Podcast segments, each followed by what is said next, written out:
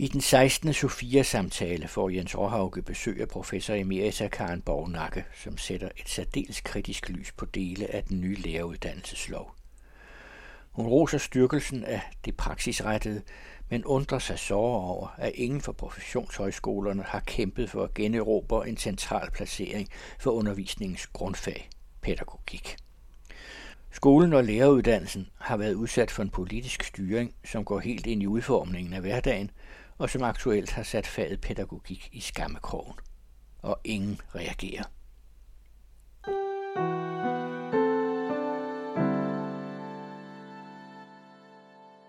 Vi er så heldige, så vi har fået en gæst i dag, Karen Borgnakke, professor i pædagogik. Punktum. Karen har nogle kommentarer i det nummer af unge pædagoger, der lige er kommet om ny læreruddannelseslov. Men for lige at få det på det rene, så hvad er pædagogik punktum egentlig for noget? Det var da et godt startspørgsmål. Og tak i øvrigt for, at du har inviteret mig. Det er jeg glad for. Jeg retter lige. Jeg er professor emerita. Jeg er just gået af. Og det giver mig en fortsat lyst til at tale om pædagogik. Men det giver mig måske også en lille frihedsgrad. Fordi øh, den artikel, jeg har skrevet i Unge Pædagoger, hvor jeg kritiserer forslaget til den nye læreruddannelse for at miste muligheden for at sætte pædagogik på dagsordenen, så man kan mærke det. Den kan jeg jo lidt mere frit øh, udtale mig om, fordi jeg faktisk hverken har uddannelsespolitiske aktier, udvalgskasketter, professionshøjskole eller lærerkasketter. Jeg har ingen af de kasketter på. Og jeg har den der professorhue, og så har jeg en levende interesse for, at pædagogik må overleve som læreruddannelsens hovedfag. Men du har punktumkasketten på. Ja. Og det er derfor, jeg spørger dig om, hvad er pædagogik for noget? Altså, selv har jeg været professor tidligere i almen pædagogik. Og den titulering, den giver jo mening. Det var over på Syddansk Universitet, da gymnasielæreruddannelsen skulle have kandidatoverbygninger og ind i universitetslivet. Og det giver faktisk mening, fordi man har almen pædagogik og så fagpædagogik eller en stærk fagdidaktik. Og det er gymnasieområdet faktisk et meget godt eksempel på. Så jeg tidligere gennem mange år ansat på Lærerhøjskolen, og hvis der var nogen, der kunne de pædagogiske bindestrejsdiscipliner, så var det Lærerhøjskolen. Det var der, jeg lærte en for mig kær remse, der hedder pæd, psyk, sok, filo, antro. Det vil sige, der er pædagogik i forbindelse med filosofi, og så de to vigtige, det er pædagogisk psykologi og pædagogisk sociologi, og så er der kommet antropologi og etnografi til. Når jeg siger, at det er mig en kær remse, så er det fordi, der er ingen tvivl om forskningsmæssigt, at pædagogik beriges af det samspil. Ingen tvivl. Men der er heller ikke nogen tvivl om, at pædagogik så bliver samspilsramt, og nogle gange bliver reservepsykologi, reservefilosofi, reservesociologi. Og det er drøn ærgerligt, fordi i den sammenhæng, vi befinder os, der er pædagogik og didaktik absolut hovedfaget. Og punktum handler så om også at bede læreruddannelsesfolk og læreruddannelsesudviklere om at tage modet. Hoveddøren, hovedemnet, hovedfaget hedder pædagogik og didaktik. Punktum. Så kan alle nuancerne komme på. Så kan alle bindestregerne berige os. Men hvis ikke man tør udnævne et hovedfag, så har man det rigtig skidt. Både som kandidatuddannelse og som de nye professionsbachelorer, der jo skal være forskningstilknyttet. Var det svar på dit punktum? Ja, altså nu skældner du mellem forskning og så den måde, vi snakker om pædagogik på. Ja. Vi har haft nogle samtaler her med lærerstuderende, som egentlig ikke rigtig kunne huske, at de havde haft pædagogik på læreruddannelsen. Mm. Og de havde nogle småfag, som de ikke rigtig vidste, hvad skulle bruge til noget, noget klasserumsledelse og sådan noget. Hvordan burde vi tale om det i dagligdagen for at være opmærksom på, at det er et hovedfag? Ja, altså der bør man simpelthen skille.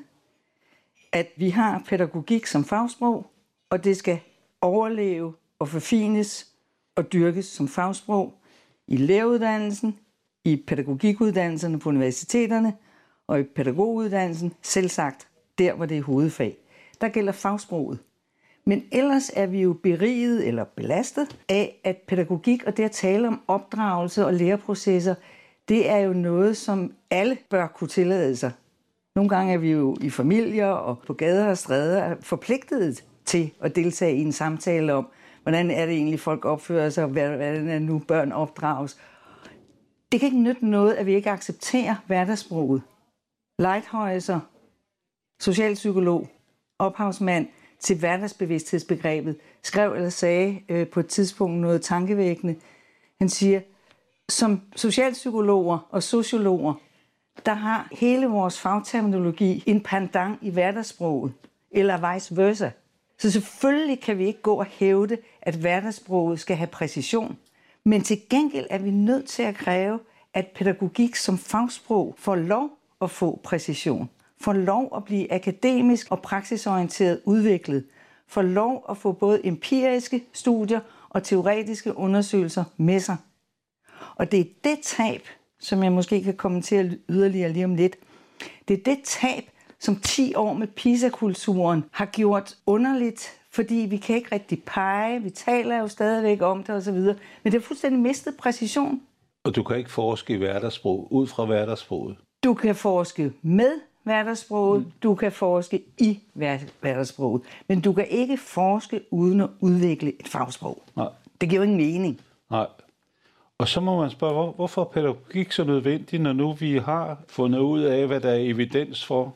Sociologer har jo på et tidspunkt sagt om de moderne samfund, at skole- og uddannelsessystemet er de moderne samfunds vigtigste brik.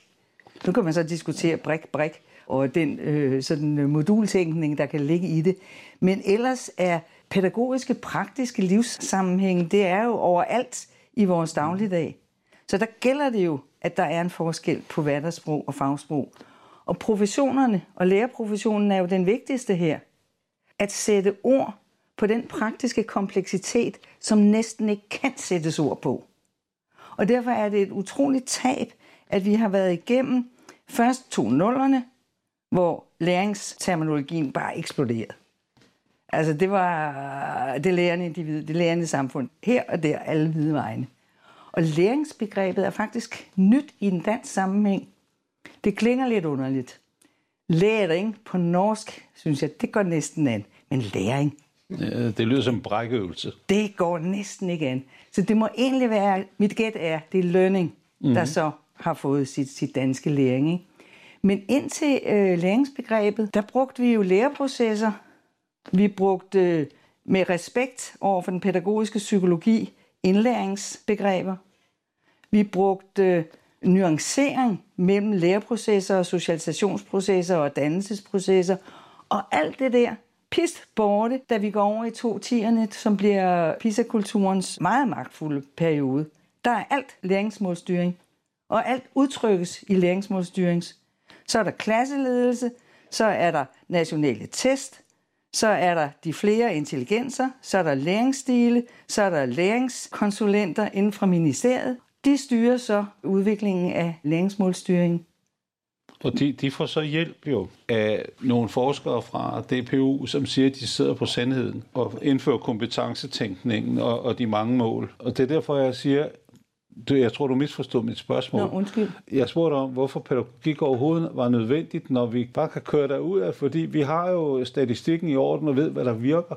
Så det skulle ikke være så pokkers kompliceret. Er det ikke den tænkning, der har ødelagt pædagogikken, der har jordet den? Ja, men nu er det jo desværre ikke sådan et almindeligt menneskeligt eller filosofisk vi. Der er nogle politiske magtfulde strømninger, mm. og de holder bestemt af. Det kan man se i alt det, jeg kalder de autoritative tekster, som er bekendtgørelser, som er politiske aftalepapirer, som er handleprogram. Politikerne går uhørt langt ind i skoleuddannelsesverdens hverdag i det PISA-kulturelle 10 år. Uhørt langt.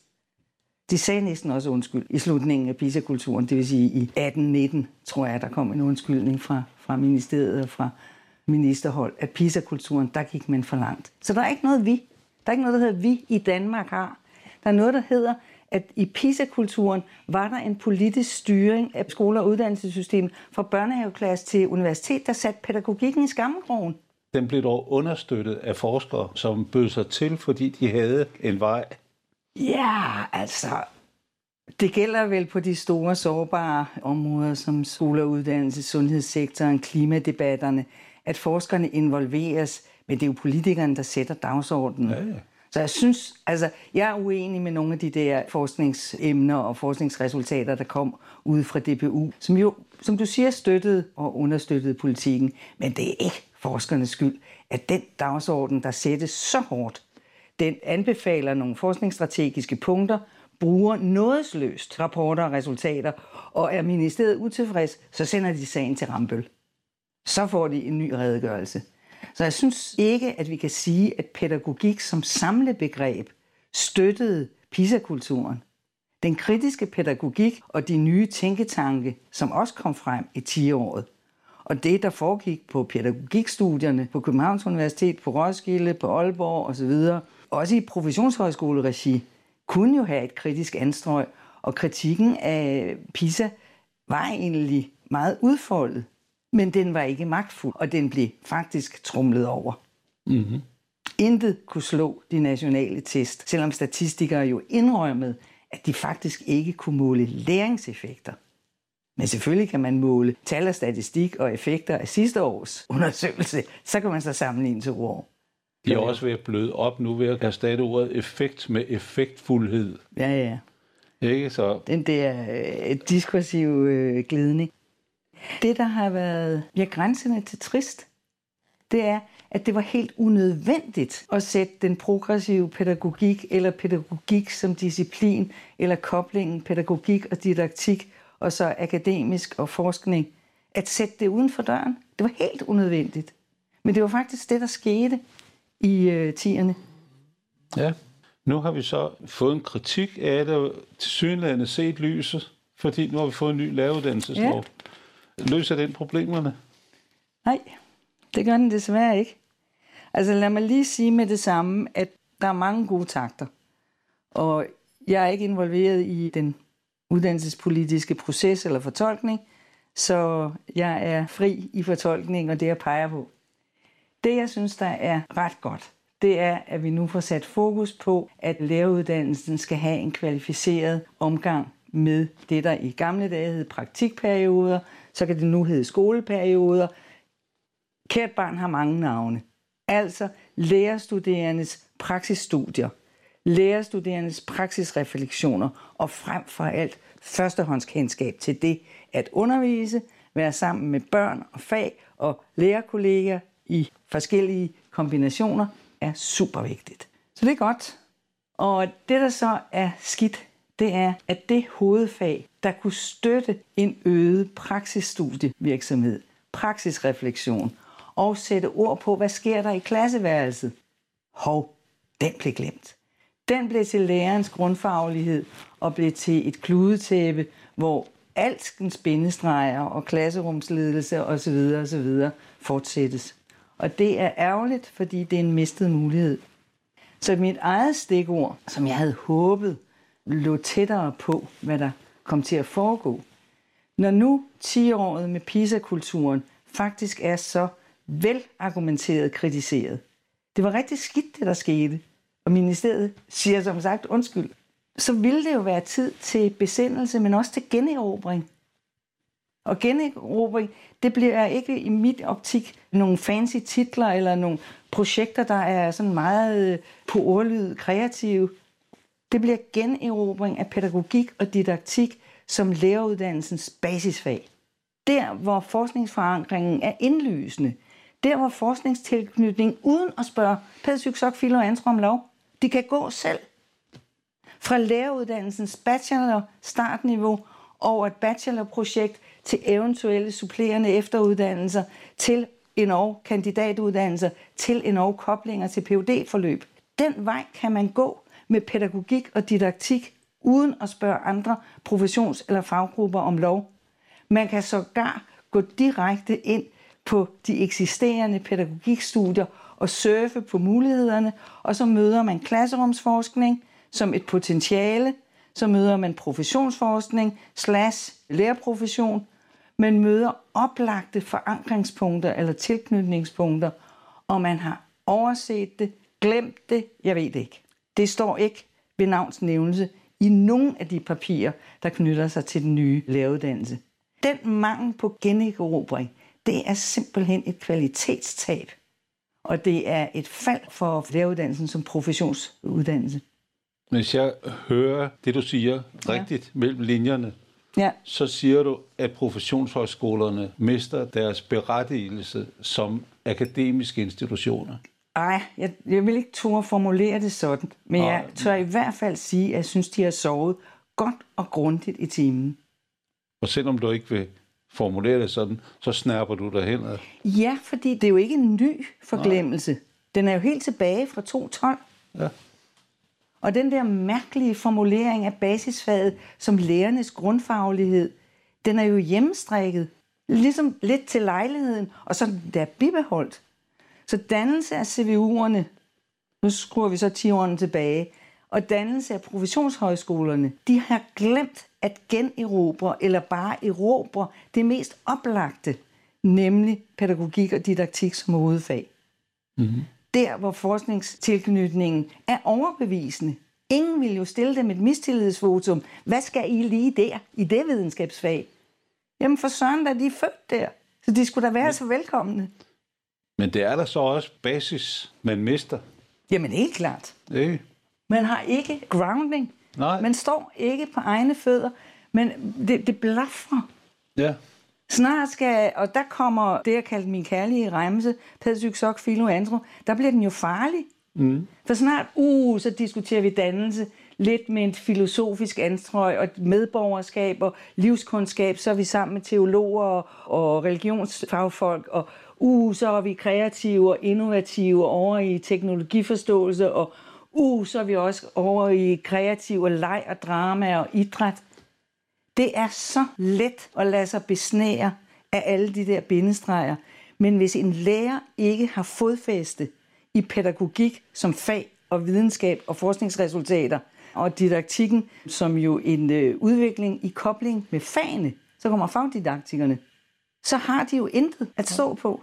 Det er jo også derfor, at et grundlag er blevet erstattet af en synsning på en eller anden måde. Det bliver meget, meget nemt at angribe skolen, og det grundlag er væk. Ja. Ja, altså lægeuddannelsen, den bliver både akademisk og praksisorienteret og professionsorienteret, den bliver sårbar.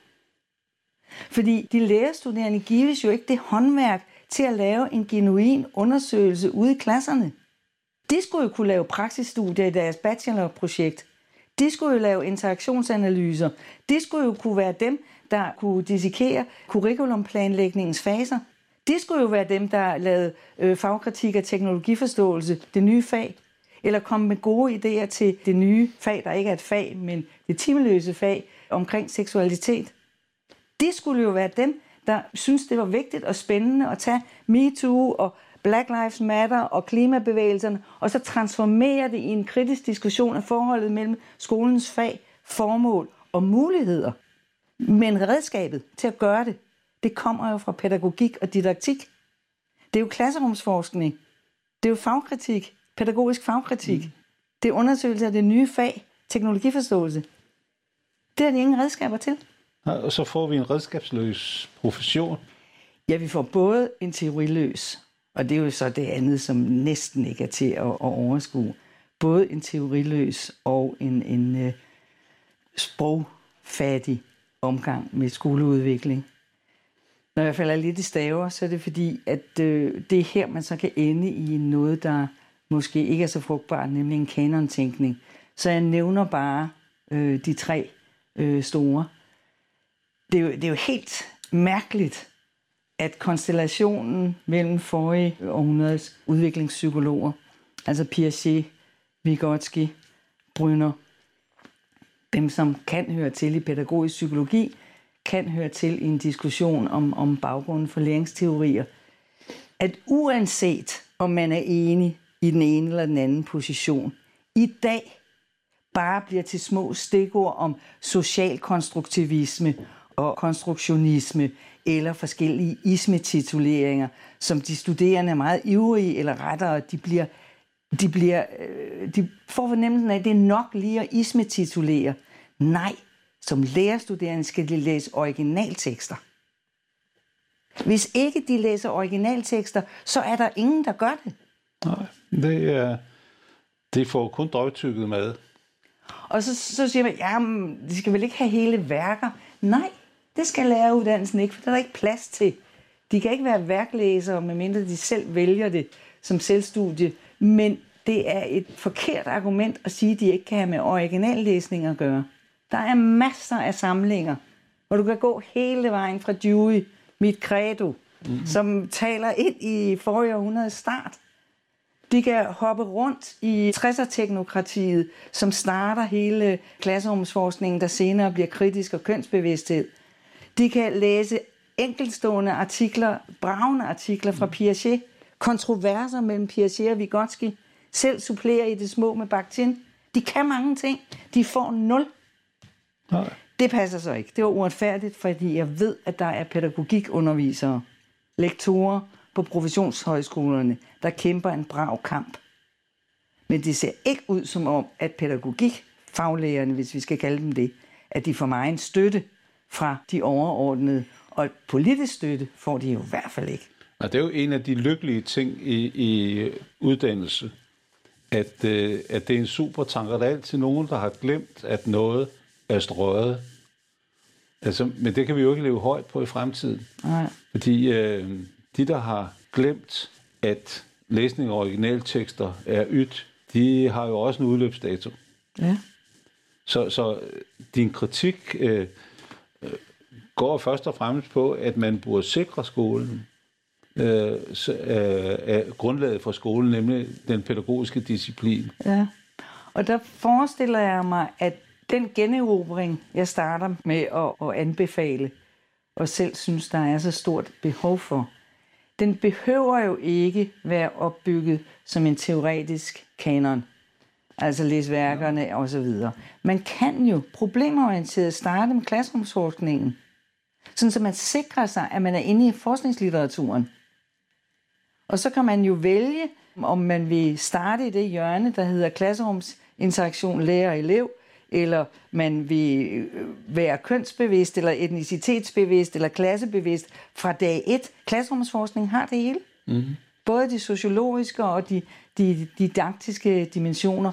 Og så kan man jo selv folde ud og føje til. Og det selv, der skal føje til, det er selvfølgelig pædagogik, faglærerne, og det er de lærerstuderende som hold der skal generobre muligheden for at lave selvstændige studier.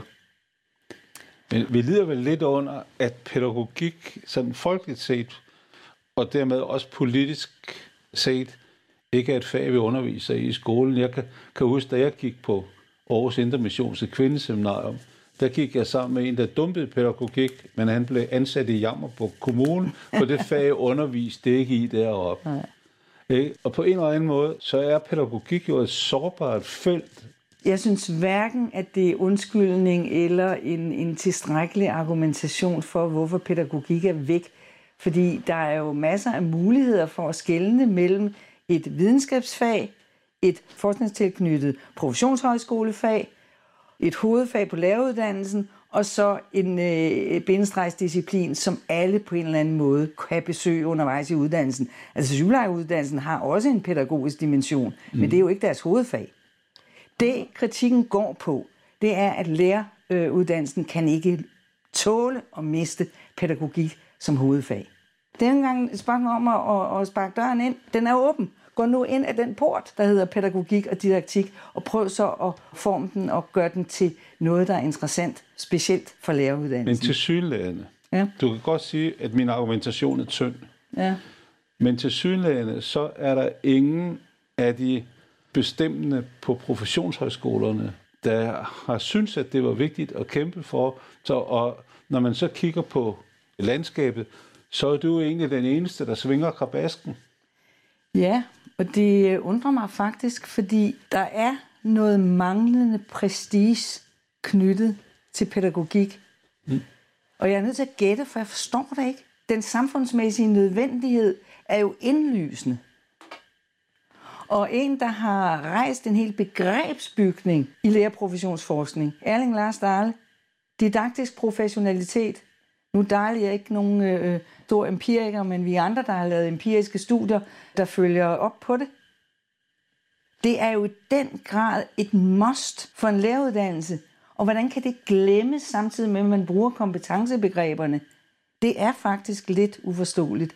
Det eneste bud, jeg har, det er, at når de faglige magtkampe udspiller sig, og policyledet så har grebet så dybt ind i skolehverdagen, så går de jo ind og dikterer den pædagogiske praksis.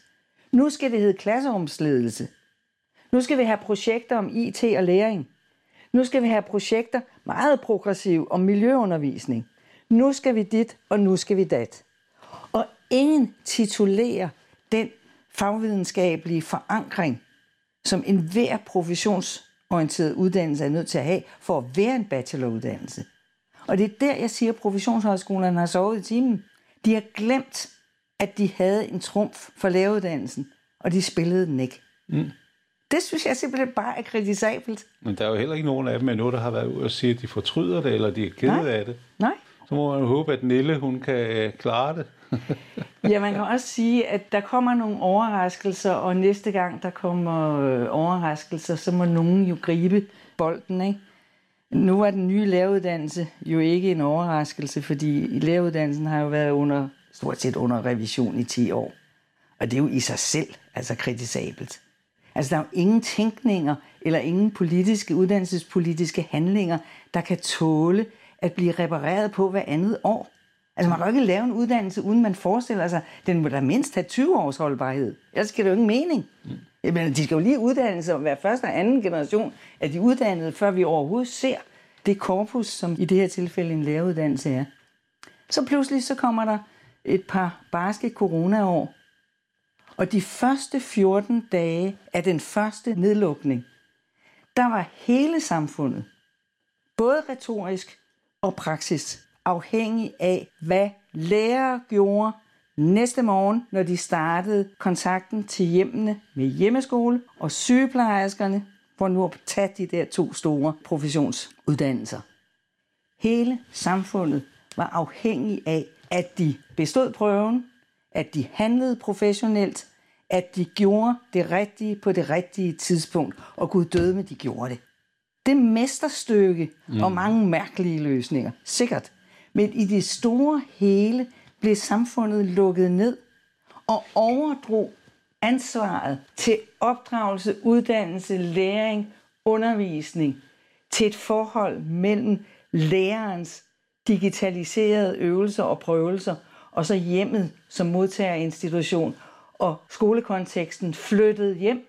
Det er historisk helt, helt øh, uhørt. Og ditto med ansvarsoverdragelsen til sundhedsfagligt personale, ikke mindst sygeplejerskerne. Nu tænker lidt over, hvad det var for en grundkategori, samfundet bad om. Please, vil I ikke godt gøre det? Gør det nu. Det var grundkategorien undervisning. Det var det, der skulle transformeres digitaliseret fra lærerkorpset, fra skolen, over i den hjemlige kontekst. Og så var det grundkategorien omsorg og pleje. Altså de to store professionsuddannelsers absolute grundkategorier.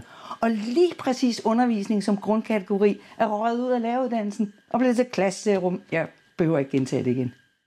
Nej. Og den samfundsmæssige bevågenhed var jo 14 dage med ultimativ tillid. Det her, det skal nok lykkes. Og med ultimativ øh, sådan nærmest øh, beundring og forundring. Gud, hvad er det, der sker? Jamen, hvis nogen har prøvet at undervise via Zoom, så ved de godt, hvor himmelråbende svært det er. Så at overhovedet noget er lykkes, er jo en kraftpræstation.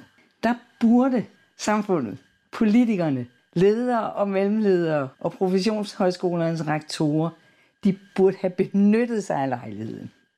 Ikke bare at takke for indsatsen, men sige tak for synliggørelse af grundkategorien undervisning. Når nu de ikke har gjort det, Ja. og det er der noget, der tyder på, at de ikke har gjort, kan det så skyldes, at en kritisk tilgang til lovarbejdet på det seneste er forsvundet, fordi man er så glad for at være kommet sammen om skolen, så man har mistet, man har en masse hurra sammen, men man har ikke noget kritik sammen. Altså den her læreruddannelse, den kommer og bliver tiljublet af Ministeriet, Kommunernes Landsforening, Danmarks Lærerforening og lærerstuderende. Den bliver tiljublet, og, og der er ingen kritik. Øh, kan, kan det skyldes, at vi har, har lagt en harmoniklasur ind over beslutningsprocesserne her til sidst? Ja, jeg tror, at den politiserbare proces har fået for frit løb. Altså, hvis ikke der er udnævnt et hovedfag, så kan hovedfagets folk jo ikke komme ind og sige, hvad er det, der sker. Ja. Altså, hvis pludselig omsorg og pleje er helt væk i sygeplejerskeuddannelsen, så tror jeg nok, der var nogen, der vil råbe. Nu nøjes vi med at snakke om, om, om læreruddannelsen. Og du siger, hvorfor er der ikke nogen, der har råbt højt? Jamen, øh, hvis en professionshøjskole af forståelige grunde har så travlt med at dække alle professionshøjskolens områder, og læreruddannelsen den fremhæves som en, en generalistuddannelse, der kan bruges til lidt af hvert, og nu skal have skærpet profilen. Men de ikke forstår, at det, der skal skærpe profilen, det er pædagogik og didaktik. Som en kritisk pædagogik og didaktik, sågar formår at kritisere undersøgelser fra Rambøl på et bachelorniveau. Det skal en bioanalytiker skal kunne forholde sig til forskningsresultater. En bacheloruddannelse i bioanalytik har på en eller anden måde et mere troværdigt anstrøg, både af forskningstilknytning og af hovedfag, end læreruddannelsen. Og det er jo skidt. Så der er nogen, der på en eller anden måde må gentænke, hvad er hovedfaget, og tage det vågemod, og så bare generobre, frem for at nytænke et helt andet fag. Det ligger der jo. Pædagogik og didaktik og pædagogik sammen med sociologi og psykologi, det er forrige århundredes tre nye store videnskabsfelter. Og man kan jo slås, om det er Rousseau og andre, der skal være barndommens fader osv. Jeg siger, glem den del af filosofien, hvis vi vil have en fornemmelse for den moderne pædagogik, som vi tilhører. Så starter den historie med John Dewey. Og John Dewey gennemsyrer mange af de idehistoriske, reformpædagogiske, men jo også mange af de der moderne uddannelsestanker, så at pædagogikfaget ikke selv har en fornemmelse for historikken, eller selv har en fornemmelse for, åh, oh, moderne klasserumsforskning, senmoderne professionsforskning, dannelsesdebatter, der griber lige ind i MeToo, Black Lives Matter og klimabevægelserne. Det er jo trist, mm. at de ikke bare er der og får den støtte, de skal have i en ny læreruddannelse. Søger du en rektorstilling et sted på professionshøjskole? Ja, jeg er fyldt 70, så det kan du tro, jeg ikke gør. Nej. Du er i hvert fald kommet frem med et meget klart budskab, og jeg ved, at 50 piskeslag, det er stort set, hvad man kan holde til, for stadigvæk at bevare en tro på, at man kan blive en god samfundsborger. Så dine 50 piskeslag her, dem prøver vi at få ind i ørerne på nogle rektorer fra professionshøjskoler, og nogle af dem, der skal påvirke dem. Så Tak fordi du kom og slog. Tak fordi jeg måtte.